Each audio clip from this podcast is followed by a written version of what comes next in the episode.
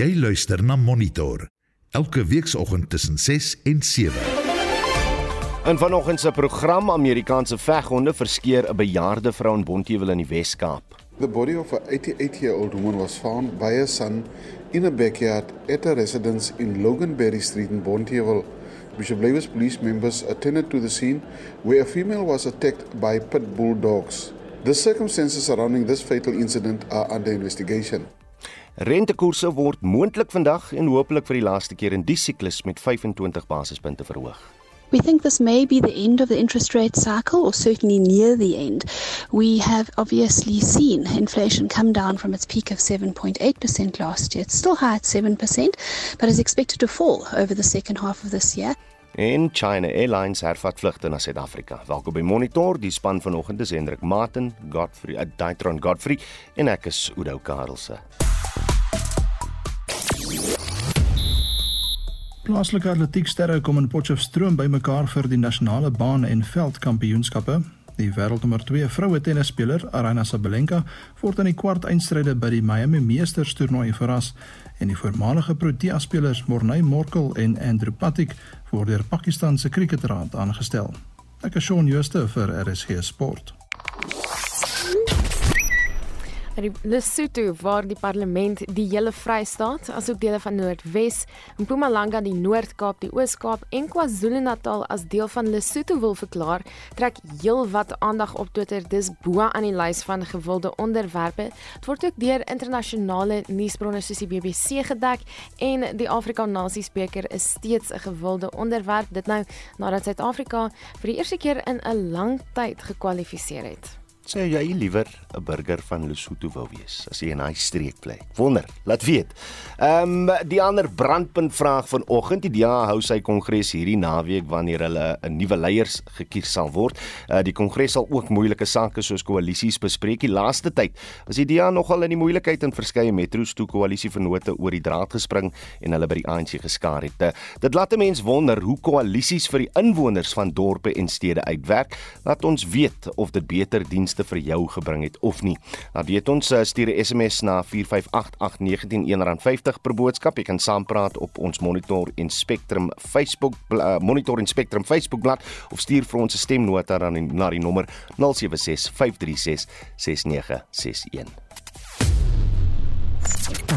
Jy luister na Monitor elke weekoggend tussen 6 en 7. Dis byna 12 minute oor 6. 'n Bejaarde vrou van Bonteheuwel in Kaapstad is by haar huis dood nadat sy na bewering deur haar buurman se Amerikaanse veghonde aangeval is.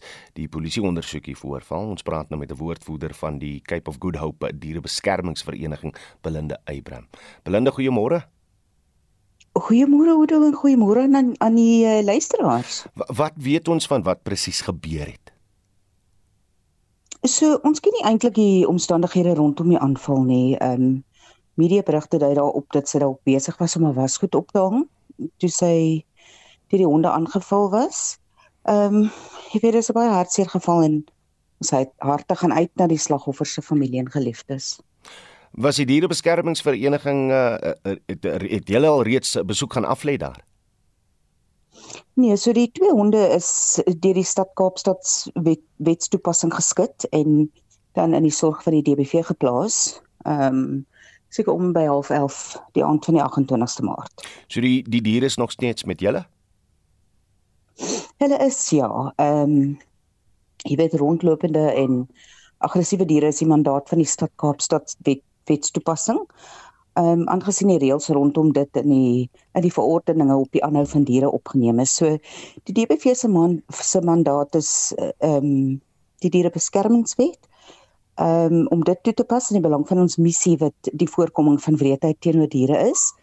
En die voorval word dus dus deur die stad Kaapstad wetstoepassing geondersoek en ehm um, dit sal op grond van van hulle ondersoek uit uitkomste oor die lot van die honde besluit. Ah, en en die uh, dierebeskermingsvereniging self uh, uh, sou julle ook ondersoek moet instel of hoe?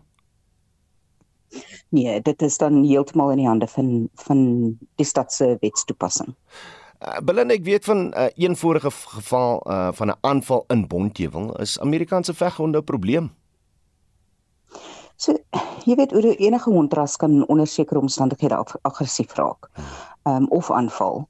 En 'n hond se gedrag word beïnvloed beïnvloed so deur faktore soos opvoeding, opleiding, sosialisering en en natuurlik in individuele uh, temperament. So dit is onregverdig om te onregverdig om te sê hulle is die probleem.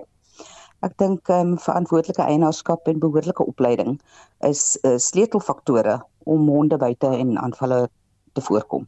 Absoluut net net 'n laaste vinnige vraagie. Die druk is onlangs uit verskeie oordebillende geplaas om dit onwettig te maak om Amerikaanse veghonde aan te hou. Ek ek, ek wil dit nie debatteer of dit gedoen moet word of nie, maar maar sou dit gebeur, wie se besluit sal dit aan die einde van die dag wees? Is dit die dierebeskermingsvereniging het ons nuwe wetgewing nodig? Is dit 'n regeringsbesluit? Hoe sou dit eintlik bekragtig word? Ek dink dit sal 'n regeringsbesluit word, maar ehm um, jy weet wat ons regtig nodig het, ehm um, Oudo is wette wat die hoofoorsake van hondeaggressie aanspreek, soos onverantwoordelike eienaars, eienaarskap en teeling in plaas daarvan om daarop te fokus om die honde te blameer. As hy, dit is die woordvoerder van die Cape of Good Hope Dierebeskermingsvereniging, Belinda Eybrand. Die woordvoerder van die menseregte organisasie vir gevangenes Sapor, Golden Miles Boodoo, sê die ontsnapping van die veroordeelde moordenaar en verkragter Tabo Bester was om verskeie redes moontlik. Bester is lewenslank gefonnis na hy skuldig bevind is aan moord en verkrachting. Nou hang daar nog vrae in die lug oor hoe hy 'n besigheid vanuit die tronk kon bedryf.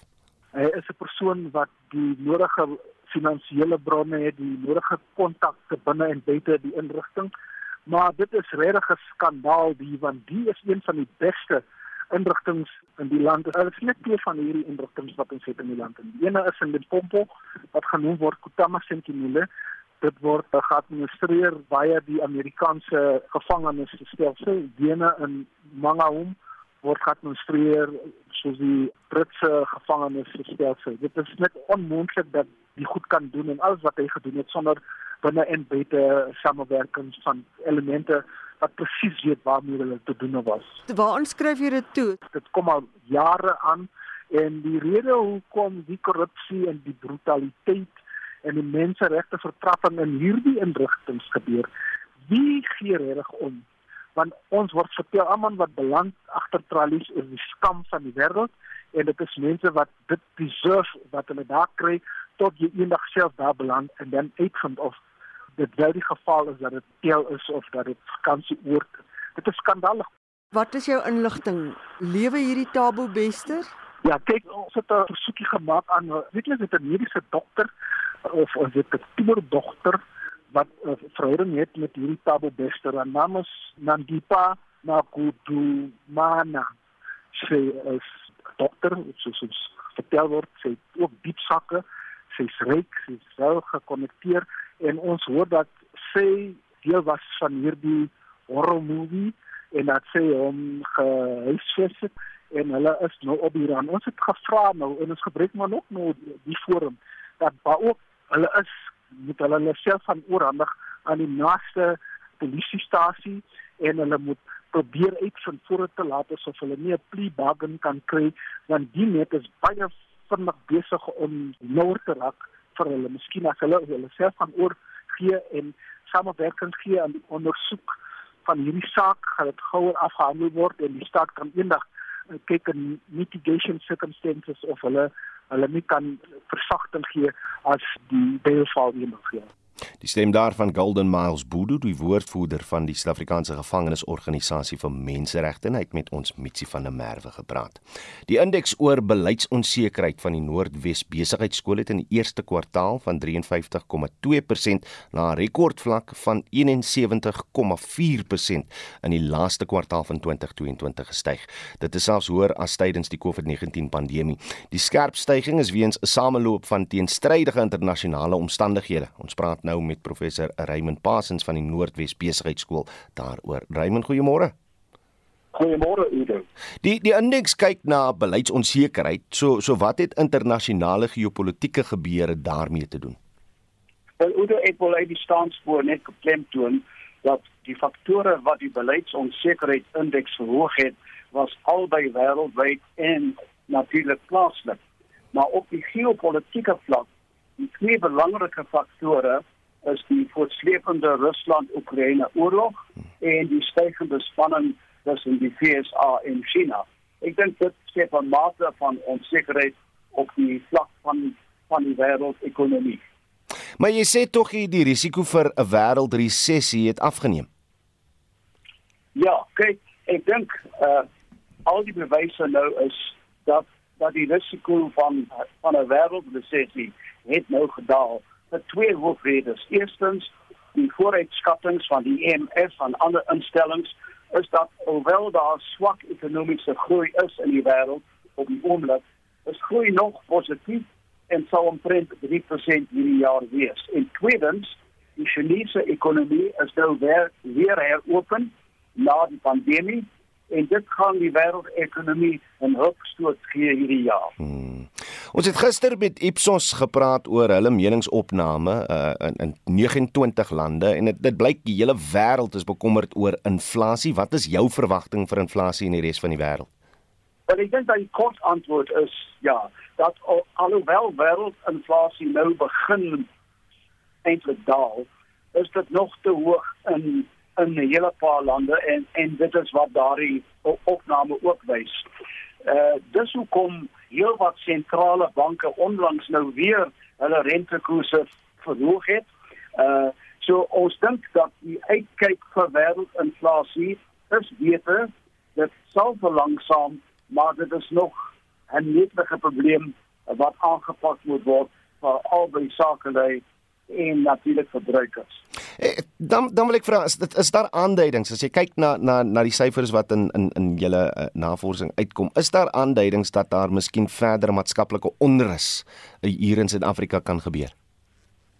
Ek dink dit hang af hoe dan hoe die oplossings toegepas word om mense se vertroue weer te herwin.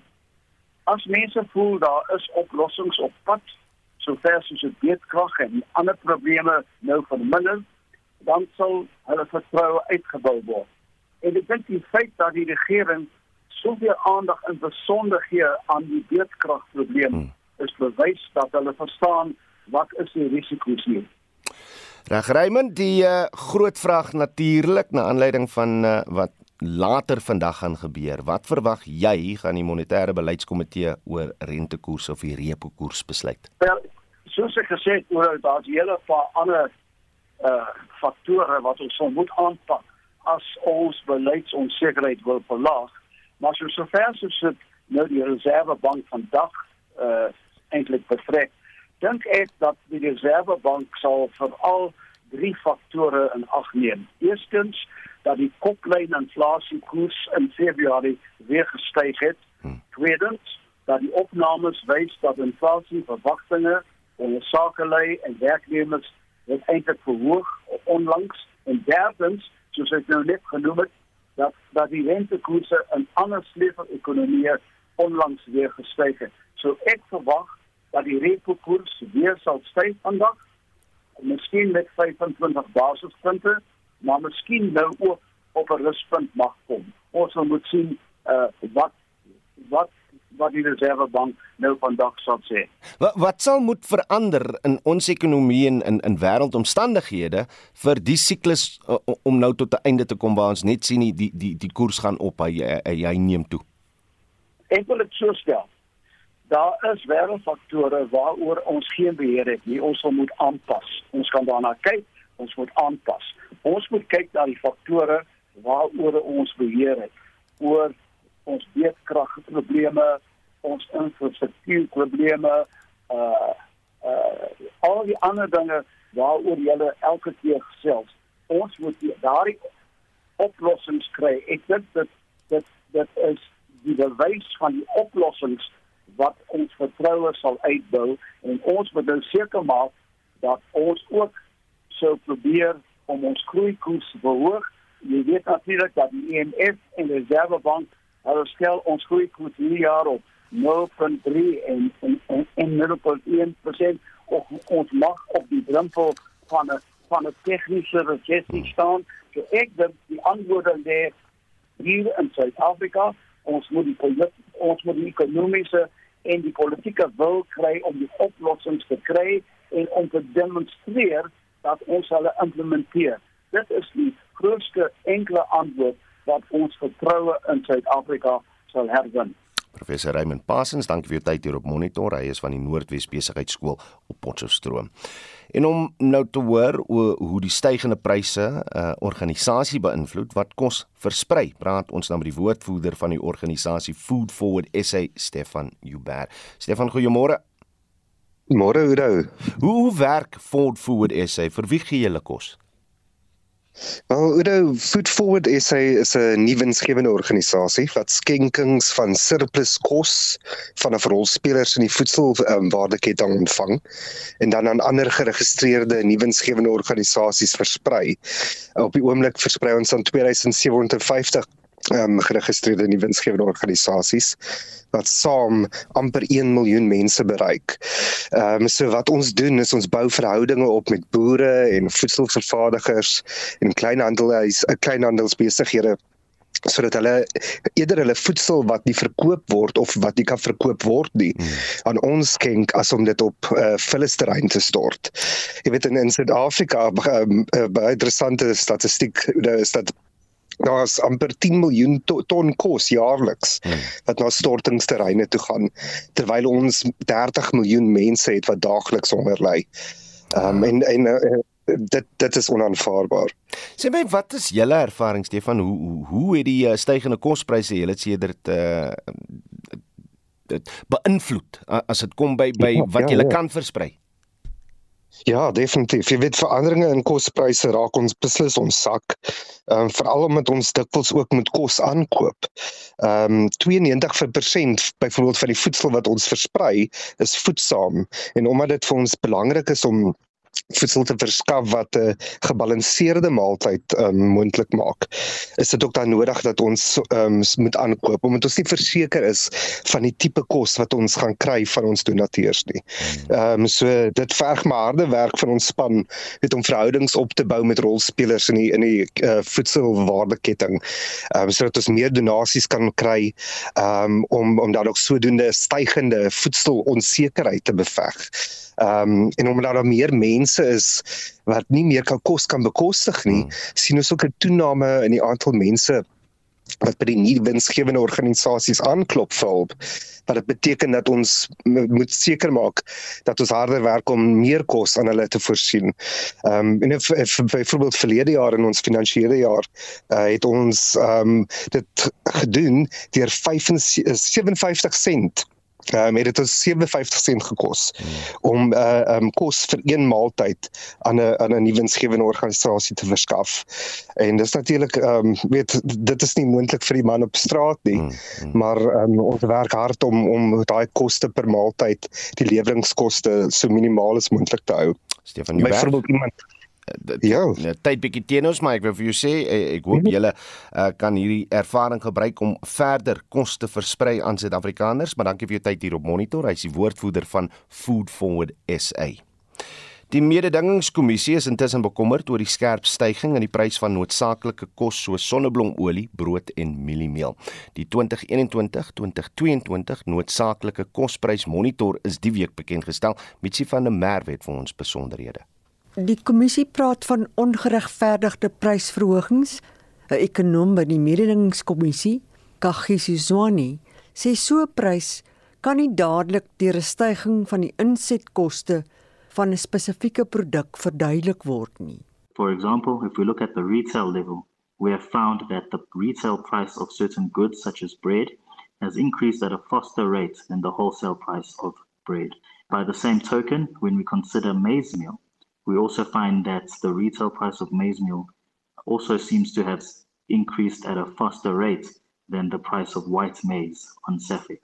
And that is what Competition Commission finds concerning with regards to the prices that are observed and forms the basis of our probe into food prices. Hy sê daar is met die grootse kleinhandelgroepe geskakel oor die pryse waarteen hulle goedere in die noodsaaklike kosprysmonitor verslag verkoop.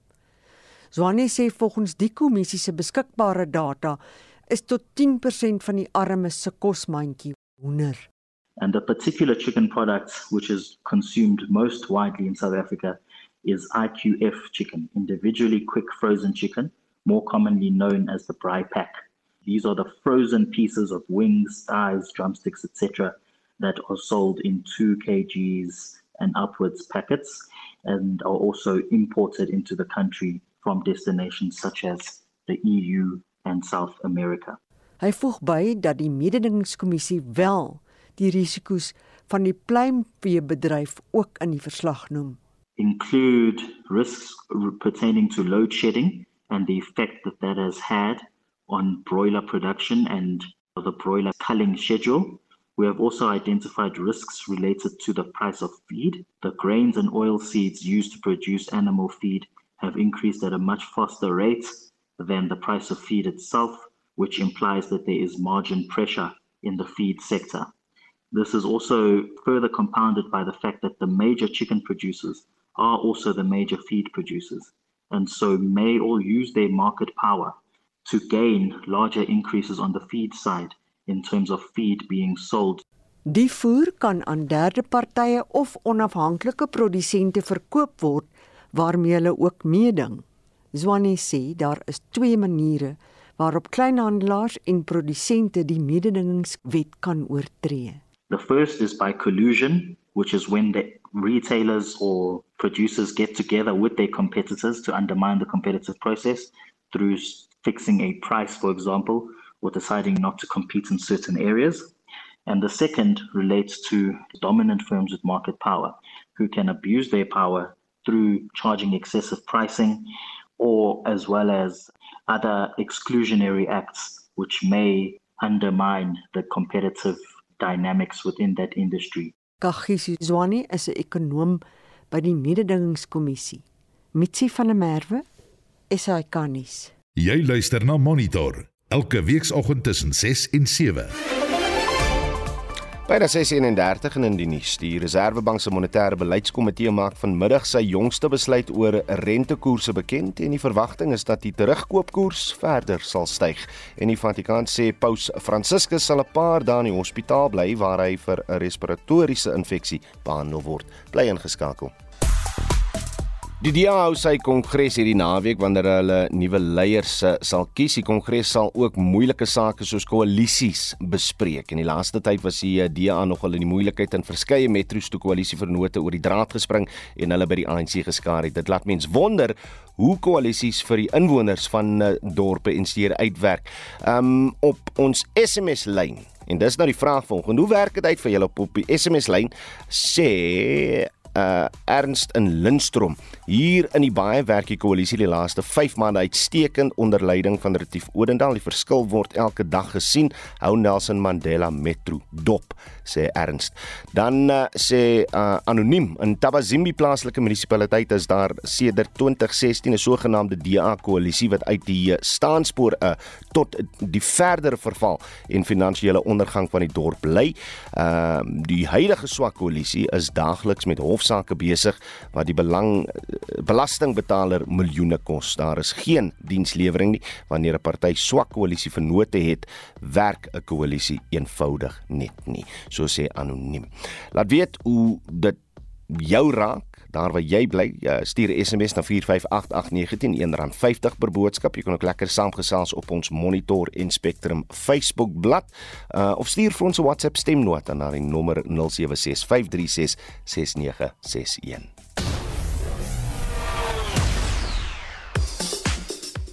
Regsjon Justus gereed met vanoggend se sportnuus môre Sean. Goeiemôre Oudo. Potchefstroom speel uh, oor die volgende 3 dae gasheer vir uh, talle van ons sterre. Ja, Atletiek Suid-Afrika se nasionale baan en veldkampioenskappe vind van vandag tot Saterdag by die Arthur McAsh Stadion of eerder MacArthur Ashe Stadion in Potchefstroom plaas en ons word bederf met 'n sterbeleide lys van deelnemers wat uh Wade van die Kerk, 'n voormalige Olimpiese kampioen en ook wêreldrekordhouer in die 400 meter, Akane Simbine, Suid-Afrikaanse rekordhouer in die 100 meter, die verspringer Raswal Semai, Corina Hon, nog 'n Suid-Afrikaanse rekordhouer in die 100 meter die 400 meter naloper Zenay van der Walt en dan die hekkie springer in die 100 meter Marionay voor hier insluit. Nou die oggendsessie begin 10 oor 8 en die dag se aksie kom vanaand half 7 tot einde.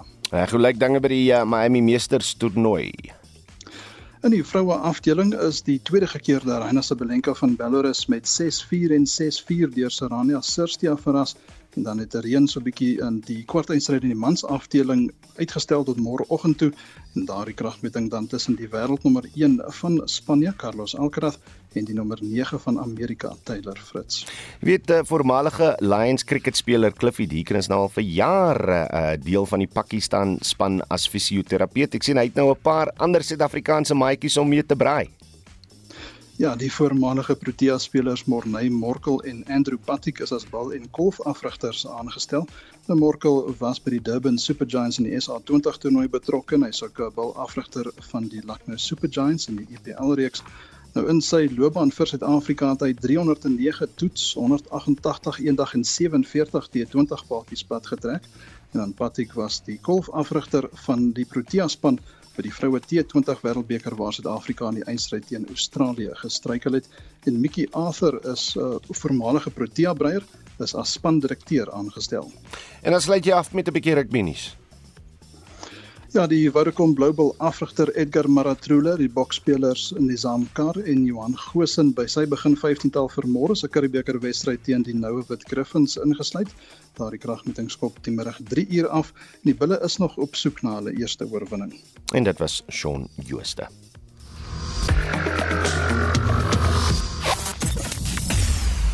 Monitor jou oggendnuusprogram op RSG.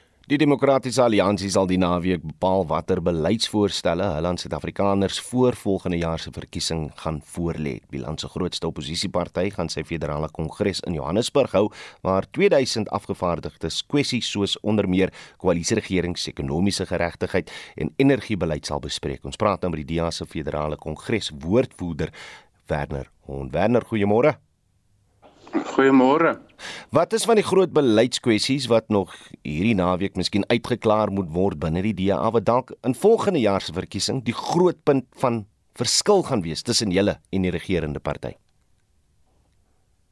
Ja, ehm um, daar is 'n 'n magtom beleidsresolusies wat voor die kongres gaan dien oor die naweek. Ehm um, in totaal oor die 50, sommige waarvan is om bestaande beleidsposisies effens aan te pas en ander om nuwe beleidsstandpunte in te neem. Uiteraard groot hulle natuurlik gefokus daarop om Suid-Afrika aan die werk te kry. Um beleidskwessies rondom korrupsie, uh beleidskwessies rondom uh om die ekonomie aan die gang te kry, werk te skep, veiligheidskwessies, gesondheidskwessies, um onderwyskwessies uh so dit is 'n uh, 'n uh, 'n uh, interessante gemengde pakkie wat voor kongresgangers geplaas gaan word. Iets wat julle baie direk uh oor die afgelope tyd geraak het is uh, die die kwessie oor koalisieregerings. Ek weet julle soek uh wetgewing wat bestendige koalisieregerings teweeg sal bring. Julle soek ook 'n uh, 'n nasionale debat hieroor binne die DA Werner. Watter beleidsidees word daar bespreek ten opsigte van hoe bestendige koalisieregerings verseker kan word? Ja, daar is 'n spesifieke resolusie of twee oor ehm um, koalisies uh wat eerstens probeer bevestig dat koalisies ehm um, gebou moet word rondom gedeelde waardes en gedeelde idees oor wat goeie regering en skoon regering is. Ehm um, en wat dan nou ook ehm um, vir kongres vra om die parlementêre kokes ehm um, te ondersteun in die strewe na die die privaat lede ons wetsontwerp wat wat dan nou koalisies wil wil reguleer vorentoe. Ehm um, ek dink die eh, die privaat lede wetsontwerp eh, is natuurlik reeds ter tafel gelê by die parlement en dis interessant dat hierdie lede wetsontwerp ek dink uh, praat oor twee belangrike kwessies en dit is dat daar ehm um, natuurlik ehm um, 'n minimum steun moet wees vir partye om om deel te word van regering aan die een kant en aan die ander kant dat daar 'n 'n ombud of 'n 'n meganisme moet wees onafhanklik van die partye in die hmm. koalisie om om natuurlik dispute by te lê. En ek dink dis twee belangrike beginsels om, om koalisies in Suid-Afrika vorentoe op 'n gesonde basis te probeer plaas. Nou, sal interessant wees hoe 'n debat hieroor uh, reg oor die land eintlik uh, sal sal uitwerk en en uh, hoe sulke uh, uh, wetgewing geskryf sal word. Dan dan wil ek ook vra, seker maar meer 'n filosofiese vraag, maar hy gaan terug na beleid toe. Die groot oorwinning wat julle oor die, die regerende party gehad het hierdie jaar was oor of of verlede jaar was oor kaderontplooiing. Hoe hoe sal hy DA mense aanstel by staatsinstellings want want die hoofdoel is natuurlik om met 'n verkiesing stemme in te win sodat daar goeie beheer uitgeoefen kan word oor staatsinstellings deur met mense wat die party kan vertrou te werk by hierdie instellings. Uh, is ontplooiing van 'n party se eie mense dan nie onvermydelik nie? Ek dink dit is onvermydelik en ons het dit nog altyd gesê en sekere sleutel uh, raadgewende posisies vir lede van die uitvoerende gesag So met ander woorde vir ministers, vir premiers, vir uh, burgemeesters um, om 'n uh, 'n 'n beperkte span in hulle kantoor te hê wat hulle met die hand uitsoek en wat hulle hulle da, daar nie eers 'n uh, proses hoef te gevolg 'n meriete hmm. aanstellingsproses nie. Maar mense moet dit baie duidelik onderskei rondom uh, van die die noodsaaklikheid in Suid-Afrika om van, om om al drie vlakke van regering uh weer 'n staatsdiens daar te stel wat die staat dien en nie die party nie. So die die die die beginsel moet eintlik wees dat as daar 'n verkiesing is waar mag van hande verwissel, hmm. dat daardie amptenare môreoggend uh moet opdaag vir werk en ongeag of daar ander beleidsrigtings um, gaan wees wat hulle gaan moet implementeer vorentoe, hulle met dieselfde toegewydheid met dieselfde energie, met dieselfde dissipline, goed wat dalk in elk geval afwesig is uh, by sommige in ons staatsdiens, moet aangaan om die staat te dien en om die wiele van administrasie te laat rol. So dit is 'n 'n beginsel wat uh, nie werklik vreemd is nie. Hmm. Um in in ges, in gevestigde en gesonde demokrasie is dit die tipe staatsdiens wat wat ten spyte van groot veranderinge op die vlak van regering aanhou om wiele te laat rol en dit mense wat nie moet eerstens lojaal wees aan 'n politieke party nie, maar eerstens moet lojaal wees aan die staat en aan die mense wie dienste moet kry. Lindiwe Masibuku Musi Maimani Pumzile van Dam, Patricia Kopane, Makashulu Ghana, Mbali Ntuli. Uh, uh, uh, vorm deel van die van die swart leierskap wat maar derentyds uh, uittog uh, gehad het by die DA is is die uittog van swart leiers iets wat julle hierdie naweek spesifiek gaan aanspreek by uh by julle kongres. Mm, dis daar's nie enige besprekingspunt oor die uittog van swart leiers nie. Kyk, eerstens is dit so dat ehm um, ek dink uh, 'n uh, politieke party waar daar nooit 'n in en 'n uit uh ek wil nou nie sê in 'n uittog nie, maar 'n in en 'n uit beweeg van mense is nie sal sal waarskynlik uh sterf uh, die die aard die menslike natuur en die aard van politiek is van so 'n aard dat dat mense nie nie altyd tevrede sal wees nie. Ehm um, ek dink 'n mens moet ook baie as 'n mens na die DA se suksesse en mislukkings oor die laaste jare kyk, moet mens ook sê dat daar was ook wit en bruin ehm um, leiers wat die DA verlaat het en intussen is daar ook wit, bruin en swart mense en selfs raadslede en en wat jy kan noem leiersfigure wat by die DA aansluit ehm um, dis natuurlik ook uh, nie net ons wat daar deur getref word nie selfs 'n jong party soos Action SA sien maar dat mense in en uit beweeg. Ek dink vir ons is dit belangrik om op die ou end op grond van gesonde en en en goeie waardes en beginsels wat ons glo kan bydra daartoe dat Suid-Afrika as 'n land behoorlik funksioneer vir al sy mense. Ehm um, beide lede, ondersteuners en leiers bymekaar te maak mense wat verbind is tot die die uh, liberale beginsels van dat die individu uh, binne die samelewing sy potensiaal moet kan verwesenlik en dat dit die staat se werk is om meganismes in plek te sit sodat individue kan floreer um, as individue maar ook as lid van families en van gemeenskappe. Um, en dat die ekonomie aan die gang gekry moet word sodat werk geskep kan word op die basis van 'n regering wat die die die gunstige omstandighede skep ook vir privaat inisiatief om te floreer. En rondom daardie basiese waardes en beginsels um, wil ons ondersteuners, leiers, kiesers bymekaar maak ongeag watter velkleur en watter taal hulle praat. Goed. Ten, ten hoe laat Sondag sal ons weet wie die nuwe leier van die party is of die nuwe leierskap van die party is. Die aankondiging is geskeduleer vir so na 12 stemmery is van vroeg die oggend af, um op 'n tegnologiese basis, so die die uh ek wil amper sê die berekening van die uitslag behoort redelik vinnig te geskied. Um, ons is natuurlik bekend daarvoor dat ons redelik goed by tyd hou by ons kongresse, so ek sal verbaas wees as dit later as 1 uur aangekondig word. Dit was die DEA se federale kongreswoordvoerder Werner Hon. Die openbare beskermer, Bosisiwe Mqobane, hou vol dat president Cyril Ramaphosa 'n half miljoen rand skenking van Bosasa aan die eh, parlement moes verklaar het. Bosasa het hierdie skenking aan Ramaphosa se CR17 presidentsiële veldtog gemaak. Sy het dit beklemtoon ten spyte daarvan dat haar uh, verslag deur die Hooggeregshof tersyde gestel is. Anri Jansen van Vieren berig. Toe Bosasa die skenking gemaak het, was Ramaphosa visiepresident en moes dus die etiese kode en die parlementskode rondom persoonlike belange volg. Daarom sê Mqobane dat Ramaphosa teen die reëls opgetree het. Maar die hof sê sy het nie die reg gehad om dit te ondersoek nie, aangesien die skenking nie in sy hoedanigheid as parlementslid gemaak is nie, maar eerder as 'n lid van 'n politieke party. Mqobane stem nie saam nie. He acknowledged that 500,000 was from Busasa mm-hmm. and he was the member, he was the deputy president. Mm. And yes, he says he's declaring, but when we check the declaration, he never declared. Mm. And he acknowledged that he participated in the dinners.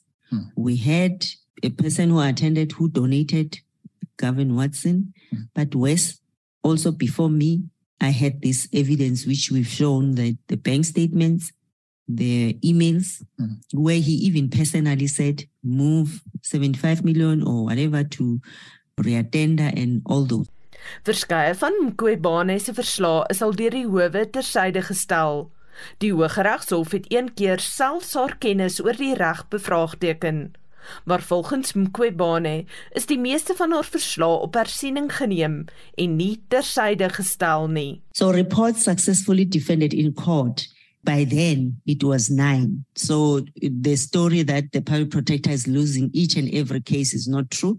There are reports which we've successfully defended and here as well the courts have found in our favor and especially the issues of costs which some of them will deal with and institutions were expected to pay back the cost to Public Protector South Africa. Mm. Reports which were reviewed and set aside by the courts were 17 and compared that number 17 to the 412 reports which we've issued by then so ask yourself the percentage which we've lost cases and i'm labeled this person who is incompetent who doesn't know the law Haar regsverteenwoordiger, Dalim Pofu, het ook hierdie punt beklemtoon. Just to interrupt hmm. for the record, the 17 reports out of 412 is 0.04%. Yes. There you are. So Not even 1%. Hmm. Die verslag is saamgestel deur Joseph Musia in die parlement en ek is Anne Marie Jansen van Vuren vir SAK nuus. Die eerste vlug tussen Beijing en Johannesburg het gister by die OR Tambo lughawe geland. Dit kom nadat Chinese grense die eerste keer sedert die COVID-19 pandemie vir reisigers oopgemaak is. Kenners sê dis 'n pleintjie vir die bilaterale ekonomiese en handelsverhoudinge tussen China en Suid-Afrika. Uh, Anne Marie Jansen van Vieren het weer eens vir ons uh, 'n berig hieroor. Dis die eerste keer in 3 jaar dat Chinese reisigers Suid-Afrika kon besoek.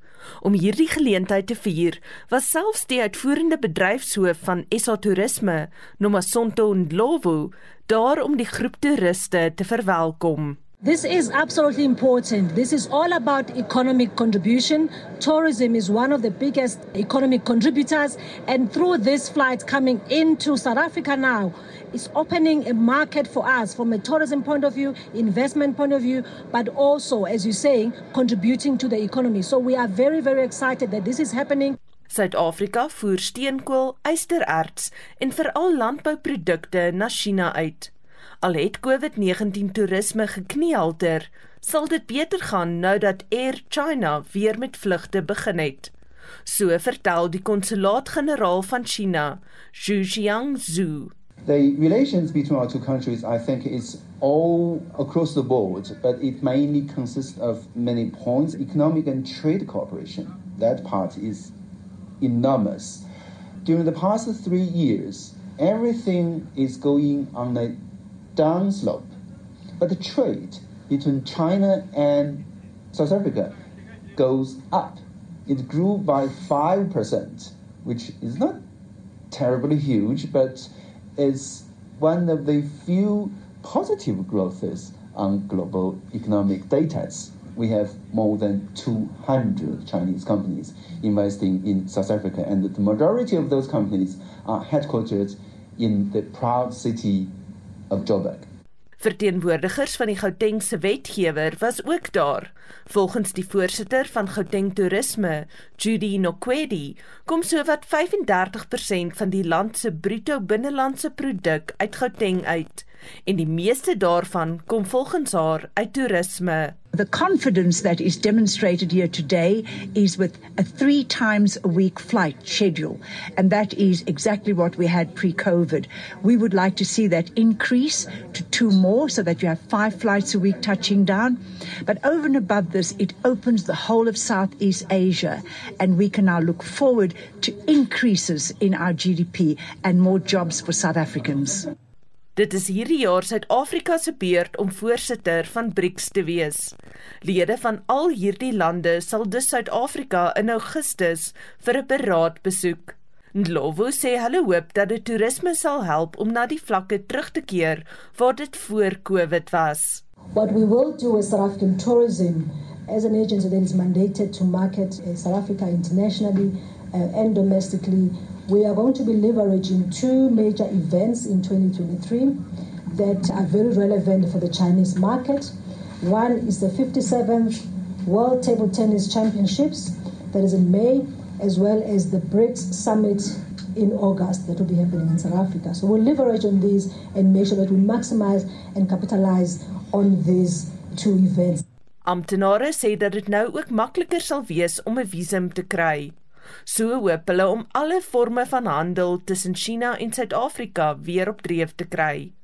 Intussen het die onlangse besoeke van Belgiese en Zambiese hoëgeplaastes weer die kollig op Suid-Afrika se internasionale betrekkinge geplaas.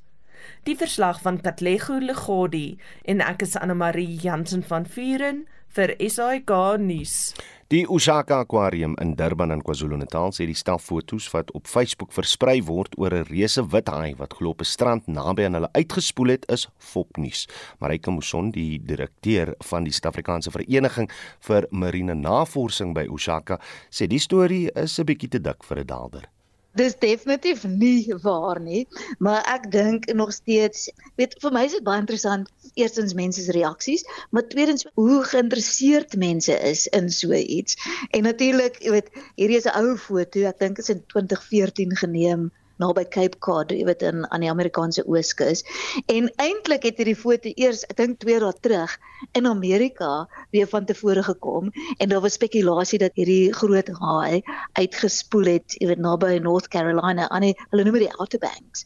En juis omdat dit nou amper die Amerikaanse spring break is, jy weet so om bietjie chaos te veroorsaak en mense bietjie skrik te maak. En toe skielik die volgende dag is dit sommer hier in Suid-Afrika op Facebook hier in Durban.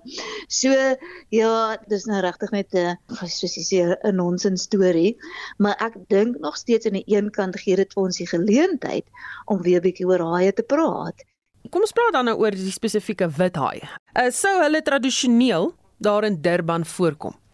Veel groot wit haie is wonderlike diere wat die hele wêreld rond weet beweeg in die oseaan natuurlik. So ja, hulle swem verby Durban, hulle swem na Mosambiek toe. Hulle weet ons mis hulle nou natuurlik in Kaapstad as gevolg van die orkas en dis nou weer 'n nog 'n lekker storie om oor te praat.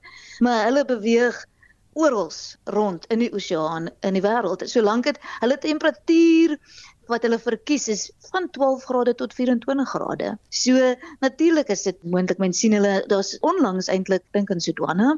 Haai gesien hulle 'n groot een, hè. So dis nie abnormaal om hulle te sien nie. Dis abnormaal om 'n wit groot wit haai op 'n strand te sien natuurlik. Jy weet ons sien nie baie haie wat uitspoel nie en in die afgelope paar jaar was dit meestal as gevolg van die orkas. Jy weet want wit haie natuurlik is hierdie apex roofdiere en met die orkas wat ingekom het is hulle bietjie van daai pedestal afgestamp. Maar so ons wil groot wit haie sien, maar in die see, nie op 'n strand nie. En hulle is wonderlike diere want hulle raak wel baie groot. So ek weet nie of hierdie foto so bietjie gefotoshop en gedokter is nie, maar dit is 'n reuse haai en daar is kyk die wyfies raak bietjie groter as die mannetjies tot 5 meter. Ehm um, jy weet 'n uh, uh, gemiddelde gewig van 700 tot 1000 kg. Dit is 'n stewige dier. En maar daar's natuurlik spekulasie van haie van 6 meter, 7 meter. Jy weet ons soos vissermanne praat dit raak al hoe groter. En daar's 'n baie bekende wyfie, hulle noem eintlik Deep Blue. Ek, glo dit dalk al van haar gehoor wat hulle gesien het in Mexico, Hawaii en sy's omtrent 6 meter lank en hulle reken omtrent 2000 kg. En natuurlik hierdie groot wat haie lewe ongeveer 70 jaar. So ek dink as ons na die hele storie kyk van weet hoe lank hulle lewe, hoe waar mense hulle vind, ehm um, wat hulle eet, hoeveel daar is in die see, weet hulle is baie kwesbaar, is 'n bewaarde spesies. Die verskil tussen die mannetjies en die wyfies. Ehm um, is dit so interessant dat hopelik inspireer dit mense bietjie om nie so bang te wees nie, maar om geïnteresseerd te wees en en dus meer daaroor te lees. So so terug na hierdie hierdie um onware storie is ek hoop die mense gaan o, oh, daar's so baie op die op die strand, kom ons gaan kom ons swem nie in die see nie, ons is te bang, maar eerder om 'n bietjie selfnavorsing te doen. En dit was die direkteur van die Suid-Afrikaanse Vereniging vir Marine Navorsing by Ushaka.